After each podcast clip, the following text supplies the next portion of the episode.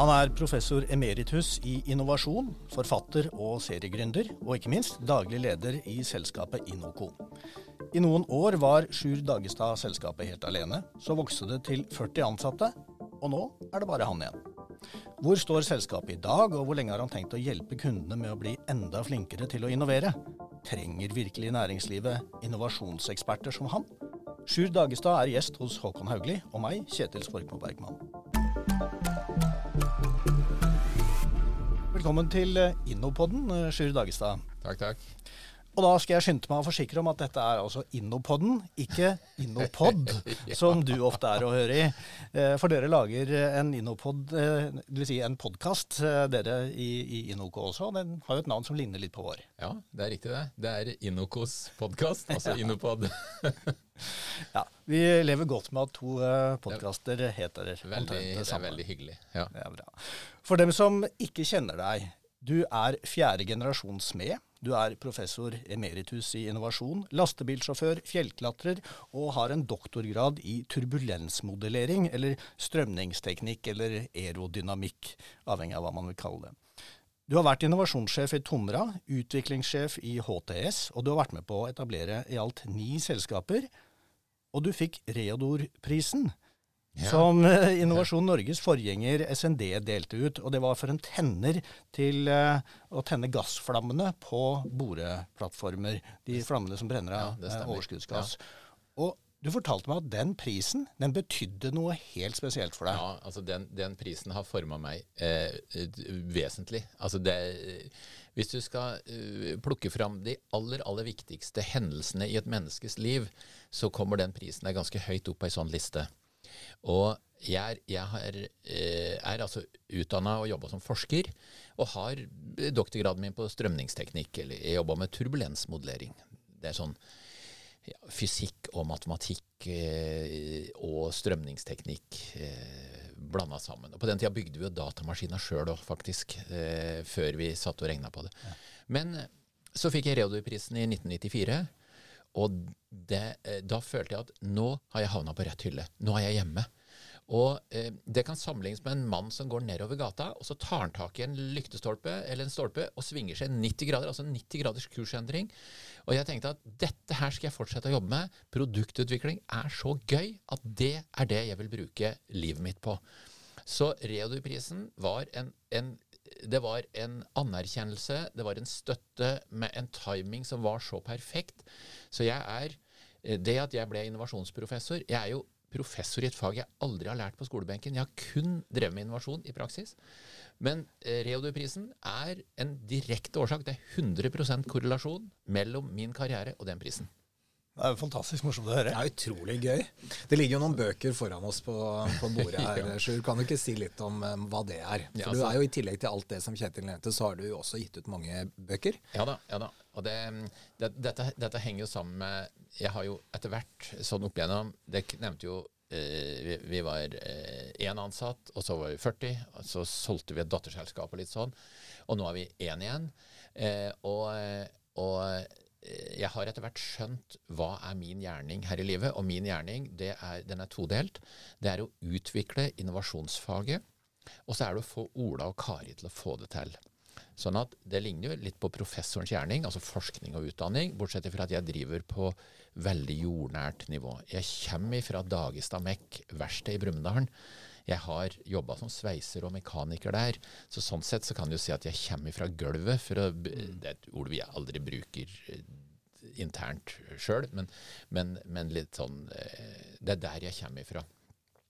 Og, og jeg begynte jo i 1988 som innovatør, og vi rota rundt i tåka. Vi hadde ingen verktøy. Vi ante ikke åssen vi skulle gjøre ting. Eh, jeg kom jo da fra en suksess, Fakkeltenneren har jo solgt for over en milliard norske kroner. Og, og vi så jo at dette var en kjempesuksess. Det, det var også et gigamiljøprosjekt, for vi slokka jo fakler rundt omkring i hele verden. Nå må jeg legge til at du trenger en del annen teknologi i tillegg til fakkeltenneren, men det var det som gjorde det mulig eh, å kunne slokke fakler. For da klarte de å tenne igjen umiddelbart eh, uten trøbbel. Så muligheten for å kunne tenne når de ville, førte til at folk slokka fakla. Og så måtte man jo da kjøpe tanker og kompressorer og alt mulig sånn i tillegg. Men Men, eh, men vi, eh, så jeg gikk ifra en suksess de luxe eh, og rett over i en tilsvarende stor fiasko. Eh, jeg, lagde, jeg utvikla en bilbarnestol for HTS. Jeg var utviklingssjef for HTS. Og jeg drev altså i en jobb hvor jeg redda barns liv. Og vi skulle lage en ny bilbarnestol for de aller minste. Og jeg, eh, jeg er maskiningeniør sånn opprinnelig. Så maskiningeniør Sjur Dagestad skulle jo vise resten av verden hvor flink ingeniør jeg er. Konstruksjonsingeniør jeg er. Så jeg lagde en bilbarnestol som var uslåelig i kollisjon. Altså Når vi testa mot andre stoler, så var min stol best. sånn teknisk sett. Så, så konstruksjonsingeniøren hadde gjort jobben sin, og jeg hadde testa i alt av biler. Eh, altså Ferrari og Ford Ka og folkevogn, alt du kunne tenke deg. Han passa inn. Altså, så, jeg hadde gjort hele ingeniørjobben eh, perfekt. Det kosta fem millioner kroner med sprøytestøpeverktøy og alt. Eh, men jeg hadde ikke gjort noe på markedssida. Hadde ikke drevet med innsikt, for det var jo de på markedsavdelingen som skulle ta seg av så ble det brukt, så vidt jeg har fått høre, 2,5 millioner kroner i markedsføring. Så 7,5 millioner kroner av eierens penger ble brukt. Og den var totalt uselgelig. Den var for kompleks, for komplisert. Eh, og når vi spurte kundene etterpå, eh, altså flere år etterpå For, det, for det, dette gjorde jo vondt. Dette var learning by tryning. Det gjorde vondt i sjela. altså Herlighet. altså Den dyktige konstruksjonsingeniøren dret seg fullstendig ut. Og når, da, når jeg spurte folk sånn ja, hva er det du trenger? Så, så, så, så, kunne folk si at ja, jeg trenger f.eks. en stol som er sånn at når barnet mitt har sovna, og jeg kommer på supermarkedet, så må den være lett å ta ut og putte opp i handlevogn uten å vekke ungen. Og jeg kunne si til å begynne med sånn Er du, er du helt rusk? Du tar ikke ut denne stolen her. Eh, eh, hvis du ikke mener noe med det. Altså, dette er det nærmeste vi kommer sveising uten å bruke sveiseapparat. Det er jo derfor den er så god. Mm. Eh, så var jo, han var jo ekstremt upraktisk. Men jeg har brukt å si det sånn at eh, hvis du kom i ei stygg ulykke, så ville hele familien omkomme, og du kunne ta ungen i den stolen uskadd ut av bilen. Altså, det var elgpåkjørsel og sidepåkjørsel, og alt var tenkt på. Eh, og, og det, var, det, var, starten på min karriere. Det var først en dundrende suksess og Reodor-pris, og så rett inn i en smell de luxe som hang ved i årevis og som, som fikk maskiningeniøren til å skjønne at hallo, Sjur Dagestad, våkne opp. Det er mer enn bare teknologi inn i dette her fagfeltet her. Og, og, jeg må jo si i dag, når jeg definerer innovasjon, så gjør jeg det ofte grafisk og ved å skrive at innovasjon er lik, og så skriver jeg oppfinnelse-løsning, altså, altså, løse det man skal løse, inni en liten boks, altså pluss marked inni en svær boks. Mm. Fordi jeg jeg kan, jeg kan putte det inn i, inn i, en annen sak. og Nå er jeg litt stygg med en organisasjon, og det er litt, eh, kanskje litt ufint, men jeg, eh, la meg ta det. Eh, da jeg fikk Reodor-prisen, så ble jeg godt kjent med Norsk Oppfinnerforening på den tida. Og jeg, til slutt så ble jeg lei, for det var Norsk Klagerforening de syta og klagde over det. Ah, 'Folk har støkket av med ideen min. Det var jeg som fant det opp. Det var jeg som egentlig det er meg, det, Jeg har ikke fått noen ting', osv. Det var sutring, sutring, sutring. sutring, Og så var det veldig lite forståelse for at marked, og det å få markedet til å ta det i bruk, er den aller største komponenten i innovasjonens liv. Så de satt med den lille boksen bortpå der som var sånn teknologi, eller hvem har funnet på uh, oppfinnelsen. Og så hadde de null forståelse for resten, og så hadde de blitt skvisa ut, eller noen hadde rappa det, osv. Jeg ble lei av sutringa, rett og slett. Det kan godt hende at Norsk Oppfinnerforening, hvis det eksisterer i dag, er en helt annen organisasjon, men da, eh, da var det mye sutring. Altså. Ja, jeg vet ikke så mye om Norsk Oppfinnerforening, men den, denne definisjonen av, av innovasjon, ja. eh, den stemmer jo ganske godt med den, ja, den dere opererer med. Altså, akkurat denne, dette her med forskjellen på oppfinnelse og innovasjon, dette mener jeg alle som uh, jobber med innovasjonsfaget, uh, bør høre. Og det her er så viktig viktig. Og det, den store Altså, vi snakker om nytt, nyttig og nyttiggjort som en slags sånn folkelig definisjon av innovasjon. Og den nyttiggjøringsbiten handler jo om å, at noen tar det i bruk. Da, at det er i et marked, og at det treffer på noen behov. Og skal man lykkes med det, så må man eh, så tidlig som mulig, vil jeg si, være i dialog med potensielle brukere. Og så må den pendelen svinge tilbake mellom produktutvikling og det tilpasning til et marked, og det må skje altså kontinuerlig. Og det er jo aldri noe slutt egentlig på den prosessen heller. Fordi produktet versjon 1 kan komme en versjon 2, en versjon 100 etter hvert. Så det er viktig. Så det der med markedsforståelse jeg tror Her har vi en, kanskje en særnorsk utfordring òg. At vi i Norge vi, vi er mindre For når vi ser da på selskaper, så ser vi at produktfokuset er sterkt. Ingeniørkulturen er sterk. Og det innebærer at norske selskaper, i hvert fall er det vår observasjon, bruker lengre tid da, på å komme i en kommersiell fase, og senere investerer i salg, markedsføring, mm. merkevarebygging enn tilsvarende selskaper i andre land. Mm.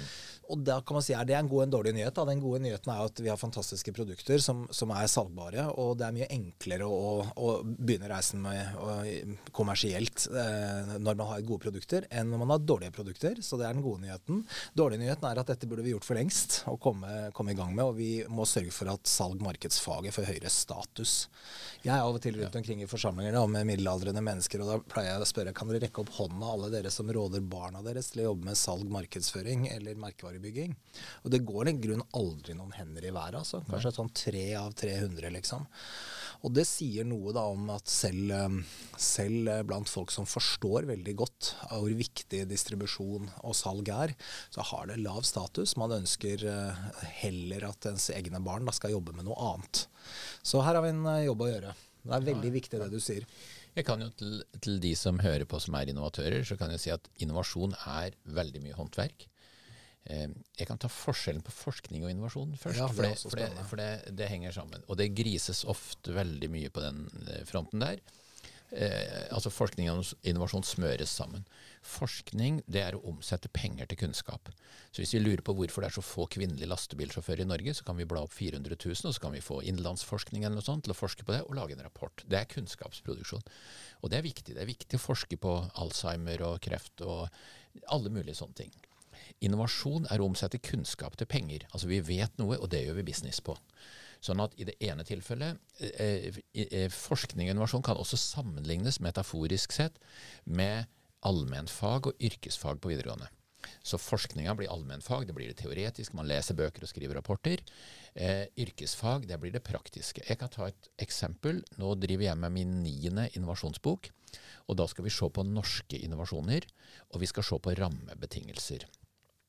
Eh, og kanskje er det noen av eh, og, og, jeg skal lage det som et klyngeskriveprosjekt. Så jeg skal nå for tredje gang bygge opp Norges største innovasjonsnettverk. Eh, det tar ca. ett år. Eh, jeg, når jeg teller opp i telefonloggen min hver dag og ser hvor mange er det jeg har ringt til, eller som har ringt meg, så eh, ender jeg opp, når jeg kommer på slutten av året, på mellom 8000 og 9000 objekter. Så jeg er professor Sjur Dagestad er Norges høyest utdanna telefonselger. ja. Og eh, eh, ved forrige bok så snakka jeg med 760 leads eh, for å lage innovasjonsboka, og jeg tok 6600 telefoner. Og, det, og, den jobben jeg står i, jeg står i usikkerhetens jobb. Eh, folk har jo betalt for å være med i nettverket, og de har kjøpt noen bøker. Eh, men da jeg bygde opp nettverket, så sa jeg det at eh, de betalte da deltakeravgift. Det putta jeg på klientkonto. Jeg sa hvis jeg ikke får til dette, får du tilbake hver eneste krone. Så da, da, året var omme, da hadde jeg med 172 innovatører, og jeg hadde ikke rørt ei krone av det. Det er min risiko. Den risikoen har ikke forskeren. Mm. Så hvis vi ser på innovasjonsfaget som sådan, altså hvis vi setter oss opp i helikopter og ser på innovasjonsfaget, så, eh, så hvis vi tar innovasjonsfaget i Norge først, så er det innovasjonen på 50-tallet. Det var lag maskin, få patent og bli rik. Så patentet sto veldig sterkt. Vi kan la patent stå, så kan jeg heller komme tilbake til hva er det. For det, det kan man virkelig lure på. Hva har det med innovasjon å gjøre? Eh, så 50-tallet var lag maskin, få patent og bli rik. På 90-tallet så kom Stig og Stein på banen, og de kom på banen på et tidspunkt hvor vi hadde veldig lite innovasjonsverktøy, og man trodde at eh, kreativitet, det var tingen. Så vi kastet oss på det, så da hadde vi eh, fem år med mye tull. Eh, det var ikke løsningen der heller. Og så bikka vi årtusenskiftet, og da, kom, da begynte verktøyene å komme. Så da begynte innovasjonsfaget å bli profesjonalisert på en helt annen måte. Og nå er vi inne i det vi kan kalle verktøyenes tidsalder. Så de, de tre tidsperiodene der, det er patentets tidsalder, og så er det en liten sånn skive på noen år med kreativitetens, galskapens eh, periode, og så er det verktøyenes tidsalder. Og når vi ser på innovasjonsfaget sånn, sånn generelt, så er faget er dominert veldig eh, Det kan jeg bla opp i boka her òg. Dette er noe vi skriver om ganske tidlig, og det er gjengen fra NTNU som har dratt fram. Her er Ostervalders forretning. Ja, så her Ostervalder er jo noe ja. vi bruker i Innovasjon ja. Norge. Men vi har tegna den på vår måte. Ja. Nei, på side 41 i boka. Men, men innovasjonsfaget er utvikla på to måter. Det ene er at det er utvikla via den økonomiske eh, leiren med Karl Marx og Schumpeter osv. ned til hvor vi er i dag, mm. med Alexander Osterwalder. Eh, vi er, vi er, nå inne Beklager du som er lytter, du får ikke sett dette her, men hvis du blar opp på side 40, så kan du se det.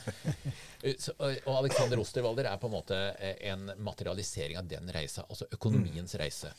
Så er innovasjonsfaget utvikla på, te, på, teknologifagfeltet gjennom komponentutforming, maskinkonstruksjon, produktutvikling og opp mot Dublin, som vi har i andre hjørne. Og eh, denne eh, flotte gjengen på NTNU som, som virkelig har dette er helt nye ting som er dratt fram gjennom eh, jobben med innovasjonsboka. Så ser vi at innovasjonsfaget er eh, i et senter i dag, og det er dominert av de to faga, mm. fagretninga, som kan bruke utestemmen inne. De to fagretningene som har mye penger, som er store, og det er økonomi og teknologi. Og så, hvis vi da setter det inn i en sånn en sånn tankemessig kontrast, eller, eller sånn, eh, så, så, ser vi hva er det folk diskuterer i dag? Jo, vi diskuterer hvordan organiserer vi, hvordan motiverer vi, hvordan får vi folka våre til å fungere, osv. Det er selvfølgelig litt teknologiprat og litt økonomiprat òg, men det er veldig mye spørsmål som er uløste innenfor de faga som enda ikke har fått satt fotavtrykket sitt på innovasjonsfaget. Og det er de mjuke faga og de, de, de faga som har mindre penger. Psykologi, eh, antropologi, sosiologi osv. Og jeg håper fra bånn av hjertet mitt Nå er det en maskiningeniør som prater. Jeg håper fra bånn av hjertet mitt at de faga som enda ikke har fått sluppet inn av porten ordentlig, får komme til i åra framover. Så, så, hvis du skal råde barnet ditt eller eh, ja, til hva bør de studere, sånn, så håper jeg virkelig at flere sier at jeg skal drive med innovasjon. Og måten jeg løser det på, er at jeg tar organisasjonspsykologi, eller jeg tar antropologi, eller jeg ser på en del menneskerelaterte ting. For der er fortsatt innovasjonsfaget står langt tilbake. Mm. Nå snakker du veldig mye om innovasjon som fag. Men jeg har lyst til å høre med deg likevel dette med å bli en innovatør. ja. Er det noe man er født som, eller er det noe man faktisk kan lære? Vet du hva, det er, det er, det er en så stor smørje av hvem du er, og hvilken kultur du vokser opp i. Og hva, jeg kan jo ta i mitt tilfelle, ikke Reodor-prisen det var jo den tønna med rakettdrivstoff jeg trengte for å virkelig fyre av raketten. eh, noen mennesker de er innovasjon. Eh, vi, har et, vi, har et, vandrende eksempel på det i Norge i dag. Eh, og eh, Norges svar på Elon Musk heter Kim Lien. Mm, ja. Kim Lien er innovasjon. Jeg leda et nettverk for radikal innovasjon. Jeg plukka de skarpeste kniva i skuffen. Det tok 120 timer å få til det. Det kosta en kvart million å være med for hver bedrift. Du fikk lov å stille med to mann. Vi, jeg fikk altså toppfolk i Norge, og vi så på radikal innovasjon. Vi møttes hver sjette uke i to dager, og alle kom på møtet. Mm. Eh, Kim Lien var med der. Kim Lien hadde ikke en kvart million å bla opp. Jeg ville ha med Kim fordi han er innovasjon. Punktum. Og, og hva gjør han? Han, eh, ja Nå driver han og starter ny virksomhet, for han har jo gått konkurs. Eh, han bygde opp Nordic Neurotech. Han drev med VR-teknologi. Eh, han eh, bygde opp altså Firmaet som var verdt 880 millioner før det gikk konkurs. Han er fant, altså Han burde absolutt vært i podkasten her. Mm. Han, er, han, er, innovasjon. Mm. Han har ikke noe papir, han har ikke noe master i innovasjon. Men er det noen altså Følg med på Kim Lien. Mm. Det, er, det, er, det, er, virkelig en av de store innovasjonskandidater i Norge. Så har vi, eh, og så har vi de som da eh, selvfølgelig kan lære seg til det. Men husk på at når du går i akademia og leser mange tjukke bøker med mye rare ord, så betyr det ikke at du er i, mer i stand til å ta risiko. Og mange av de som driver med innovasjon, de har ikke ofra ei krone, de har ikke ofra en negl, de har ikke gjort en puck for å gjøre dette her, men de har lest mange bøker og kan mye fine ord. Eh, så, så jeg har hatt ca. 1000 studenter på NTNU gjennom en, eh, den perioden jeg var der. Eh, spesielt gjennom en tiårsperiode hadde jeg hovedmengden av studentene mine. Og, og, jeg må si det at når jeg møter folk, så om du har en masterinnovasjon det, eh, Vel, that don't impress me much. Eh, fordi det handler om hvordan er du i stand til å ta det du har lært, og omsette det i praksis. Så, så det er en blanding av kultur. Det er definitivt ting du har i deg helt klart. Og så er det hva du, hva du, gjør det til. Eh, jeg tror mange av de eh, si innsatte Innovasjon Norge, ikke ansatte, innsatte. ja. Der, der, tror jeg det er mange som ikke har innovert, eh, og som sikkert vil over i Finansdepartementet i sin neste jobb, eller hva det er. Og det er greit nok, det er en ærlig sak, for det, det er også en stykke jobb som skal gjøres på den sida der. Og så har det ikke noen som har møkk under negla, som har gjort det, og de er kjempeviktige. For når vi innovatører kommer inn, eh, vi som da har møkk under neglene, og som har driti oss ut, og som har tapt penger, og som har tjent penger, og, eh, og forhåpentligvis tjent mer enn du har tapt, eh, så er vi jo veldig glad når vi møter folk som skjønner hvordan vi har det. Det møter vi jo ikke når vi kommer til Forskningsrådet. Der er det helt nada. Det er null.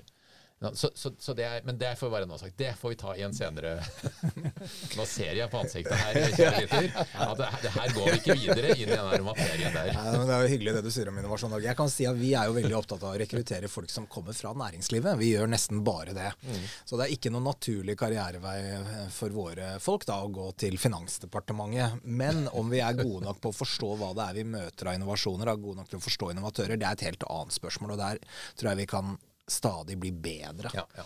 Men kunne jeg plukke opp noe du sa tidligere ja. som jeg synes var superinteressant? Det er dette neste skriveprosjektet, da, Crowd-skriveprosjektet, om Norges største innovasjoner. Har du allerede nå noen på måte, kandidater på, på, den lista? Ja, det har jeg. Altså, da, vi, da vi lagde innovasjonsboka, bare sånn at folk får bakgrunnen nå, så var vi 172 innovatører. Eh, som eh, jobba med å få fram en del ting. Det, eh, altså, her lager vi eh, hva skal vi si, læremateriell, og det er faget sjøl som lager det. Det er innovatøren sjøl som lager det. Det er for øvrig Norges største satsing på eh, å lage læremateriell innenfor innovasjon. Eh, og vi fant en god del eh, ting underveis som var sånn av typen Fy flate, dette må vi jo skrive. Jeg, jeg, jeg skal ta to eksempler. Mm, det første eksempelet er da koronaen kom. Så eh, så, så, jo eh, Næringsdepartementet at i løpet av noen uker så kommer bedrifter til å gå konk. Så vi må få en kompensasjonsløsning. og det må vi få i løpet av tre uker. Og så sitter Finans Norge og diskuterer dette her, og, og bransjen sjøl, altså IKT-bransjen, sier at dette tar minst et halvt år å lage. Minst et halvt år. Og så eh, Kjerstin Bråten eh, var i den diskusjonen, og hun sa jeg har en gjeng med noen sånne gærninger hos meg. Kanskje jeg kan spørre dem. Så ringer hun til Yngvar Ugland, som mm. leder Newtech Lab i, eh, i, eh, i eh, DNB. DNB ja. mm. Uh, Yngvar Ugland var for øvrig en av de som var med i Radikal innovasjonsnettverket. Han er en av de jeg har identifisert som en av de skarpeste kniva i skuffen. Mm. Men nok om det. Og så sier hun vi trenger noe i løpet av tre uker. Og da forteller Yngvar at, at huet hans sa nei, hjertet hans sa ja, og så når han åpna munnen, så kom det et ja. og, og, så forteller Yngvar at, uh, at eh, IKT-bransjen var jo på han og spør hvor mange trenger du. Og da var det underforstått du kan få så mange folk du vil gratis. Trenger du 50 mann? Trenger du 100 mann? Han sa det var bare å si tallet, så vil jeg få det. Og så sier Yngvar da, eh, og nå, nå kommer det hvorfor jeg identifiserte han som en av de skarpe, så sier han jeg trenger kun de av dere, sier han til sin egen avdeling, som har minst 500 timer å stille opp med av arbeid de neste tre ukene. Og tre uker er 504 timer. Så får han med ti mann. Og så lager de kompensasjonsordninger på to uker og seks dager. Mm. Og hvis den hadde vært løst på ordinær måte, så ville det ha vært 80 mann i minst seks måneder for å få til denne der. Det var én av tingene. Fantastisk. Så har vi den andre, og da drar vi til Helse Midt-Norge. Eh, og, eh, og, nå er jo Helseplattformen eh, mye i media, men nå skal de få en solskinnshistorie fra Helse Midt-Norge.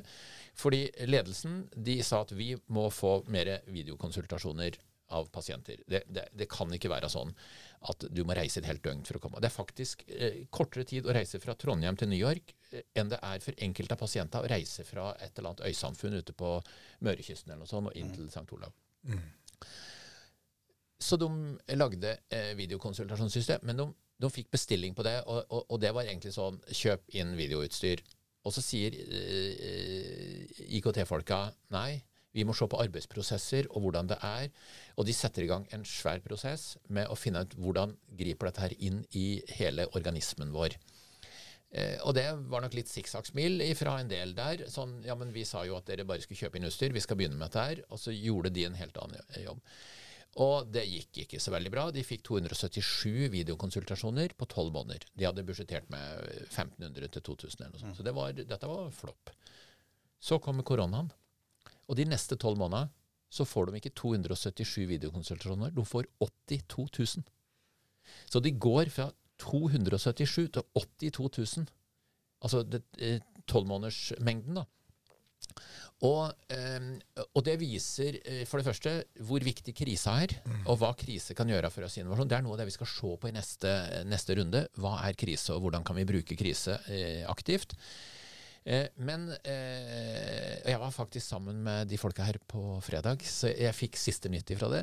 Og da sier eh, Kjetil, som var en av de som var i prosjektet her, så sier han det at da vi bytta videosystem underveis, så skjedde det helt sømløst. Ikke én klage. Ingenting. Og pga. at vi gjorde et godt grunnlagsarbeid, og også fokuserte veldig mye på det menneskelige og arbeidsprosesser osv., så, videre, så ble dette her en suksess. Hadde vi bare kjøpt inn utstyr, så hadde dette her krasja når eh, da koronaen kom. Fantastiske eksempler. Og det, det, siste jeg husker veldig godt at uh, sjefen på St. Olav var ute og sa dette med videokonsultasjoner sånn på, i sein uh, koronafase. Og det er, no, det er, veldig mye å lære av dette her, tenker jeg òg. Altså, det ene er jo dette med krise som du tar opp. Det andre er jo at teknologien det er jo ikke, Innovasjonen ligger jo ikke i selve teknologien. Nei. Den ligger i anvendelsen av teknologien. At ja. den tas i bruk. Ref. forskjellen da, på oppfinnelse og, og innovasjon. Uh, hvordan, men hvordan kan man skalere dette? her? Hvordan kan den type innsikt tas i bruk på andre samfunnsområder? Vi har jo en lang rekke ja. områder som krever den type problemløsning. Ja. Uh, det er nok Unnskyld. Det, er nok, eh, det sitter nok veldig veldig mye i vegga i ja. en del organisasjoner. At du må Du får ikke tatt et oppgjør med ting før du har krisa. Altså før du virkelig får vaska ut det som er der. Men eh, som du sa, eh, det er fortsatt veldig mange som tenker at Eh, teknologi er en vesentlig del i innovasjon. Eh, det er en fyr som har eh, skrevet 'Diffusion of Innovations', som handler om hvordan innovasjoner sprer seg ut i samfunnet. Han er antropolog, og han skriver at på 60-tallet så var innovasjon er lik teknologi. Punktum. Mm. Og det er mange som fortsatt er igjen der. Jeg, jeg vil si i dag så er det sånn eh, Teknologi, ha, vi har ingeniører til det. La de gjøre det. Det, altså, det, er, en slags det er, det er en slags underavdeling. Det hører med i i familietre på innovasjon, men vi har kommet mye lenger. Altså La ingeniørene fikse det der. Vi har andre utfordringer som, som, er brennende. Jeg har lyst til å komme med en, en ny definisjon som jeg har drevet og lekt med litt med i et par års tid nå. og Det er at innovasjon er folk, folk, folk og litt teknologi. Ja, interessant. Og det, og det, viser noe av mm. mengden i dette her, og hva er det vi er nødt for oss å ta tak i. Det er folk, folk. Det er folk som skaper, det er folk som ødelegger, det er folk som muliggjør. Og det er oppi huet til folk at veldig veldig mye skjer. Teknologi, det, det finner du. Altså, det, den mm. du, du, var så vidt inne på uh, denne metodikken din, uh, 'learning by tryning'. Ja. Uh, fortell litt mer om, om hva det er. I, da har jeg lyst til å gå tilbake til København. Ja, det må være 20 år siden snart. Så skulle vi ha en workshop for Eh, the European Marketing, altså markedsføringsledere i Europa. Det var altså interesseorganisasjonen for markedsføringsledere. Og vi hadde forberedt et eller annet der, og så kom vi ned til København. Og så kommer generalsekretæren, og det er altså en eh, Dette her kunne ha vært Skiskytterforbundet eller noe sånt. Altså det er en sånn en, en eh, østerriker av den gamle typen. Han er morsk som en hvalross. Og, og, han skulle ikke ha noe For vi gikk gjennom opplegget da med han, for presidenten hadde laga noe. Han sier Presidenten, sier han, han skal gå av i morgen! Vi skal velge ny president i morgen! Han betyr ingenting! Og så, eh, og så sier han Ich bin der Leiter! Ich bin der generaldirektør og, det, og, og så videre og så videre. Og jeg bod, hadde bodd i Tyskland, så, så det, vi switcha jo over på tysk, og det fortsatte videre på den uh, måten der. Og så sier han at eh, nei, jeg, vi er her for å mingle og for å gjøre sånn og sånn. Så han kom opp med helt andre ting enn vi hadde.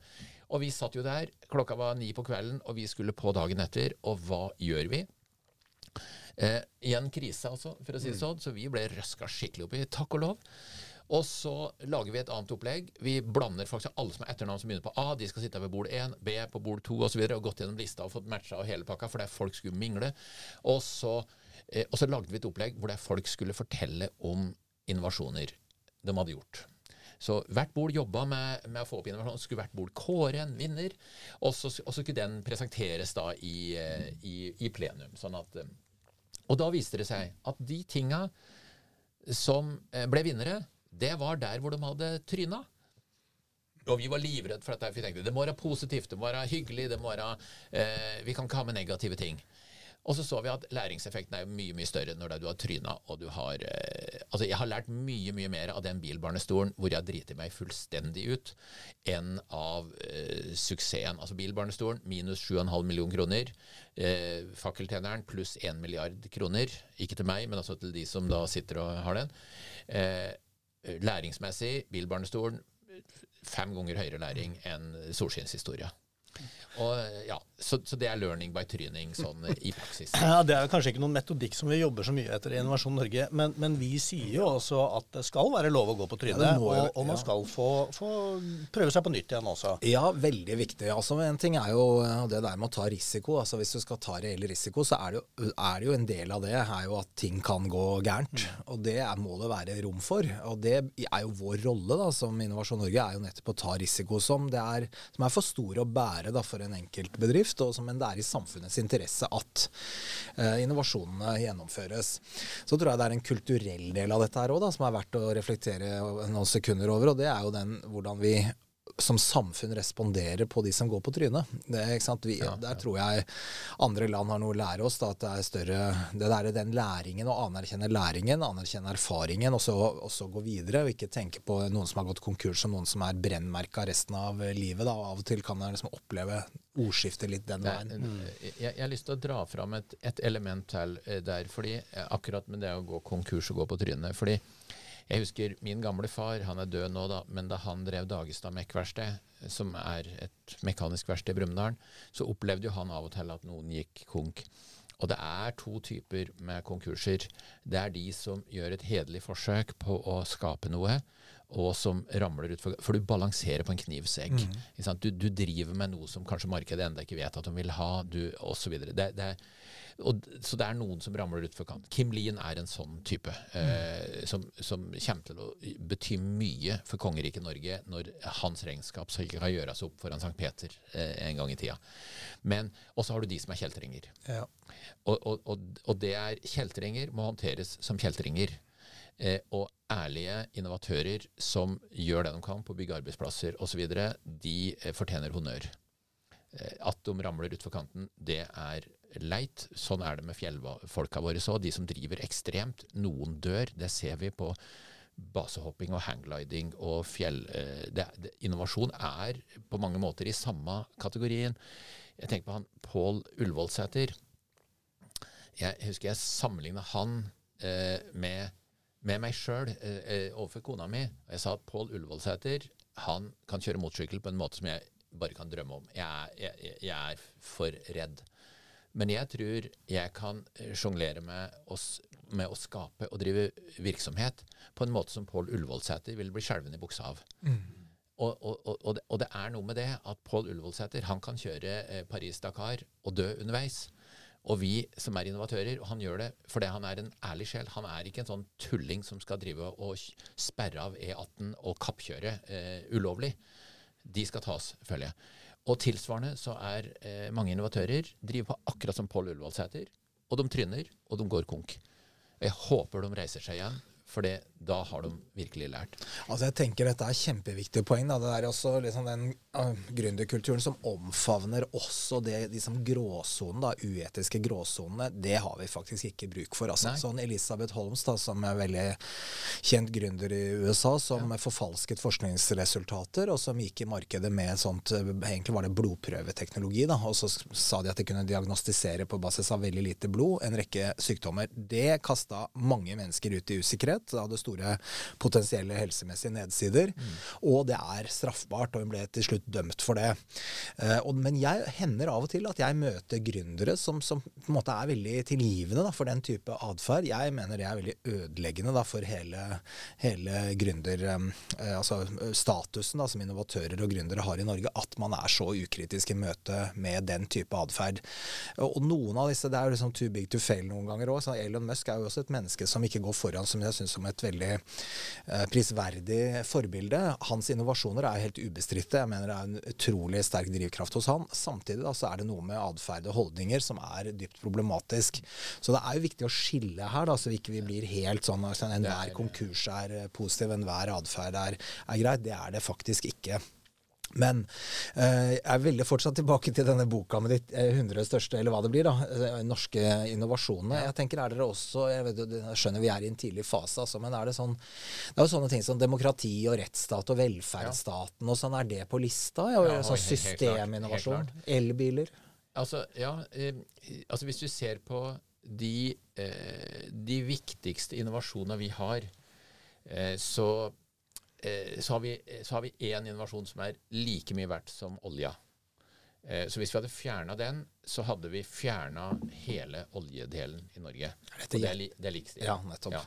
Og eh, hvis vi ikke hadde hatt likestilling, så måtte vi ha vært ti millioner stykker for å få gjort den samme verdiskapinga som vi får til med fem millioner. Mm. Likestilling er, er, nummer én. Kanskje 1A. Og så har vi, hvis vi går 1000 år tilbake i tid, og drar til Island. Mm. Så eh, møttes Det var ikke bare der det skjedde, men da møttes en rekke mennesker på Thingvellir, og demokratiet eh, var i sin vugge. Og eh, vi har eh, gjort vesentlige bidrag innenfor demokrati eh, her i Norge og i de nordiske landene sånn opp gjennom åra. Og det er også eh, viktige, viktige innovasjoner. Så har vi elbil og batterier og sånn som det blir litt sånn teknologigreier. Mm. Ja, det er fint, det er interessant. Jeg er maskiningeniør sjøl, så jeg burde absolutt uh, bare fokusere på det. Men, men uh, igjen uh, man, kan, man kan ta og løfte seg opp på nivået over, og da ser du at det er en del andre ting. Husk på, vi gjorde det i 2013 2014 kom vi med boka 'Innovasjon i praksis'. Det var det første klyngeskriveprosjektet. Jeg hadde med 154 mennesker. Eh, og vi lagde boka 'Innovasjon i praksis'. Jeg må jo si 2000 bøker er et godt fagbokforlag i Norge. Vi har trykt opp 10 000 bøker. Jeg har hatt 300 på lager. Så den er jo, eh, Og den blir jo kalt den norske innovasjonsbibelen. Det er den grå boka, for å si det sånn. Og der eh, også, faktisk også pga. at Innovasjon Norge var veldig sånn Hadde du et produkt, så fikk du støtte. Hadde du tjeneste, så, så, så, så, så de dumt på deg. Så da hadde vi et eget kapittel som heter tjenesteinnovasjon. Så vi hadde en gjeng med mennesker som bare så på det. Som vi jobber mye med i dag. Det må vi nesten ja, ja, ja, jeg vet det, og det er jeg veldig, veldig glad for. fordi i 2013-2014 så, så, jeg vet at jeg ikke jobber mye med det i dag. Eh, men i 2013-2014 så, eh, så var 80% av bruttonasjonalproduktet i Norge var tjenestebasert. Og 70% av befolkningen jobba i tjenestesektor. Og grunnen til at Nei, unnskyld. 80% jobba i tjeneste, og 70% av bruttonasjonal. For det olja drog opp eh, såpass mye, og det er ikke en tjeneste, det er et produkt. Sånn at 80% av befolkninga jobba i tjenestebasert sektor. 70% av bruttonasjonalprodukt var tjenestebasert. Sånn at der ser vi hvor viktig Så tjenester skal vi absolutt kikke på. Men det vi, det vi drømmer om da, på det neste klyngeskriveprosjektet, det er todelt. Vi skal få opp ei bruttoliste over norske innovasjoner. Og dette her handler også om at eh, en litt sånn eh, personlig takk til kongeriket Norge. Fordi vi snakka om det forjettede land på 50-tallet, det var USA osv. Det forjettede land, det er Norge, det. I disse åra jeg sjøl har drevet på. Og nå, du bor i det forjettede land. Det er, altså du har, du har fått lottogevinst nummer én, så ikke kast bort den. Og vi har funnet så mye spennende innovasjoner. Jeg nevnte kompensasjonsordningen, og jeg nevnte videokonsultasjonssystemet ved Helse Midt-Norge. Det er ting som ville ha gått i glemmeboka. Om ti år så ville folk sagt var det ikke noe vi lagde der? Hm, jeg mener å mm. huske, osv. Det er mange sånne, og jeg har lyst til å fange dem. Så det er kall det min personlige takk til kongeriket Norge. En i nettverket her han sa det at hadde vi vært flinkere til å fortelle oss hva vi er i stand til, så hadde ikke vi bedt amerikanere om å lage Helseplattformen.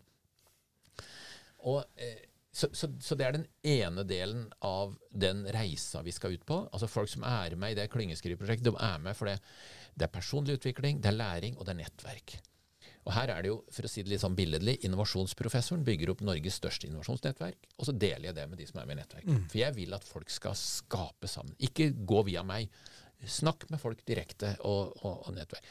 Og så skal vi kikke på rammebetingelser. Så midtveis i prosessen så vil jeg ta en prosess med hele gjengen og finne ut hva er det du har av spørsmål du vil ha svar på. Og noen vil kanskje inn i en gruppe om kunstig intelligens, og noen vil kanskje se mer på krise da, og finne ut uh, om det. Så det blir rammebetingelser. Så om fire år så tror jeg vi kommer ut med to bøker. Jeg tror det blir ei bok som blir hetende 'Norske innovasjoner'. Med hva er det vi har fått til i Norge? En, en uh, ren hyllest, men samtidig en analyse av ting. Vi kommer også til å se på ting som har gått i dass. Så vi skiller mellom oppfinnelser. Det blir en liste med oppfinnelser. Det er de som kunne ha blitt innovasjoner, men de klarte ikke markedsutfordringa. Og så er det innovasjoner, det er de som gikk hele løypa ut. Eh, og så blir det ei bok om rammebetingelser. Og den boka om norske innovasjoner, den i øyeblikket, sånn i huet mitt, så ser jeg for meg at den er så fin at Innovasjon Norge sier at den skal vi bruke som gave når vi har eh, til våre gjester, mm. osv. Det er, eh, det er, det er. Den ambisjonen har vi, og det høres ja, veldig bra ut. Jeg tenker bare, kan bare gi et innspill her. og jeg tenker at Det som uh, er veldig interessant for mange, er hva er det som muliggjør innovasjon. Nå har vi berørt teknologi. Ja. Men det er jo også en del andre ting da, som muliggjør innovasjon. Jeg bare kaste inn et par kandidater. Da. Det er altså Sånne ting som samarbeid er veldig ja. viktig. Ja. Altså eh, norske, eh, norske fortellingene om betalingsteknologi handler jo om at vi har banker som har vært i stand til å samarbeide. Mm, det, det, begynte med bankenes betalingssentral, og etter hvert nå er det VIPS da. Men hele veien har det vært slik at du kan overføre penger fra én konto til en annen uten å gå veien via en sjekk og et sjekkhefte. Mm. Det var en, vil jeg si, eh, skjellsettende innovasjon i sin tid, men vi har liksom glemt det litt. Og der berører et annet område, det er jo personnummer. Det at vi har en unik mm. identitet alle sammen, gjør også at vi kan gjøre en del ting. Vi kan koble sammen ulike registre. Vi tenker på dette som en selvfølge, men vi skal ikke lenger enn til Tyskland og Storbritannia før folk ikke har den type unike identiteten. Så systeminnovasjon, da, som et begrep vi bruker mye, det handler litt om hvordan kan vi utvikle, altså gjøre, få til store endringer basert på de innsatsfaktorene vi har. Og når jeg kaster inn elbiler da, som en kandidat i boka, ja. så er det ikke fordi at selve bilene er det innovative, men det som ligger bak. F.eks. at man har lagd et system for å gjøre kunnskap om lading tilgjengelig, slik at det en, en kommersiell aktør kan vurdere hvor de kan installere en ladestasjon, mm. og dermed bidra til et uh, formidabelt uh, løft. Mm. Og, så det er egentlig atferdsendringen og systemsiden som er det interessante, ikke selve elbilene. Så dette gleder jeg meg Nå bare har jeg begynt å skrive boka, merker jeg her. I hvert fall, Vi vil gjerne ha vi vil gjerne, Jeg veldig, imøteser veldig å få den. Vi, vi kommer til å forutsatt at den er bra da, og ser bra ut, så vi vil gjerne ha det som gaver til alle våre Jeg skal legge inn bestilling på det. Og lykke til med en super, superspennende prosess. Da tror jeg nesten vi må avslutte denne Innopoden med den bestillingen eh, fra deg, eh, Håkon. Tida går eh, veldig fort når en er i godt selskap. Jeg har bare lyst til å høre med deg om én ting helt til slutt. ja, ja. Men du, den boka som ligger her, som er verdens eldste innova innovasjonsbok, den har vi ikke snakka om. Den har vi ikke, ikke, rukket å komme inn på. Og, og du, du, anser altså trykkekunsten som en av verdens viktigste innovasjoner. Ja. Fortell veldig kort om det. Ja, eh, grunnen til det er at det førte til da, da, Martin Luther kom på banen, så var trykkekunsten allerede klar, og markedsutfordringen var Mye av det var løst. Så fra 1500 til 1550 så var altså en tredjedel av alt som ble trykt, det var Martin Luthers tekster osv. Det danna grunnlag for reformasjonen og samfunn, den samfunnsendringa som vi ser. Så uten trykkekunsten så hadde vi aldri sett en brutal samfunnsendring som vi så på 1500-tallet. Det førte til at folk begynte å lese. Eh, og eh, skrivekunsten utvikla seg. Det var veldig mye skrivefeil, og det, det, du skrev nærmest fonetisk før det. Eh, og det førte til voldsom utvikling av samfunnet, og det førte til eh, kunnskapsproduksjon osv. Så, videre. så try, eh, trykkekunsten, det var det var på en måte det, det drivstoffet som, som, samfunnet trengte for å gå inn i den transformasjonen som kom eh, flere hundre år etter. Og tenk hvilken demokratiserende effekt det hadde at det skrevne ord ikke var forbeholdt en bitte, bitte lite ja. elite som hadde ja. fjærpenn og ressurser, og, men alle kunne få tak i en løpeseddel og et skrevet, noe skrevet. Og når vi ser på Da Gutenberg lagde Bibelen sin og trykte den, så økte han hastigheten på bokproduksjonen med en faktor på ti. Så det var ikke så veldig mye. I dag så er den økt med 100 000 sammenligna med datidens skrivere som måtte skrive hver og en. Men den, det lille han tok, var egentlig bare et lite bidrag, og så har det vokst og vokst og vokst, og vokst utover. Disrupsjon, dette må vi snakke om en annen gang, merker jeg. Det er et Kjempespennende tema. Ja. Eh, Det er utrolig gøy å ha deg som gjest her, Sjur. Og du er jo en legende innen innovasjonsfaget, og gleder oss veldig til å få både gavebøker og, og se hva, hva neste fase bringer. Tusen, Jo, jo. tusen takk for at du kom. Takk, takk for at jeg fikk være med. Takk skal du ha, Sjur Dagestad, og takk til eh, Håkon Haugli. Vi har vært innom det meste, fra tryning til trykking. Dette er Innopodden. Vi høres igjen.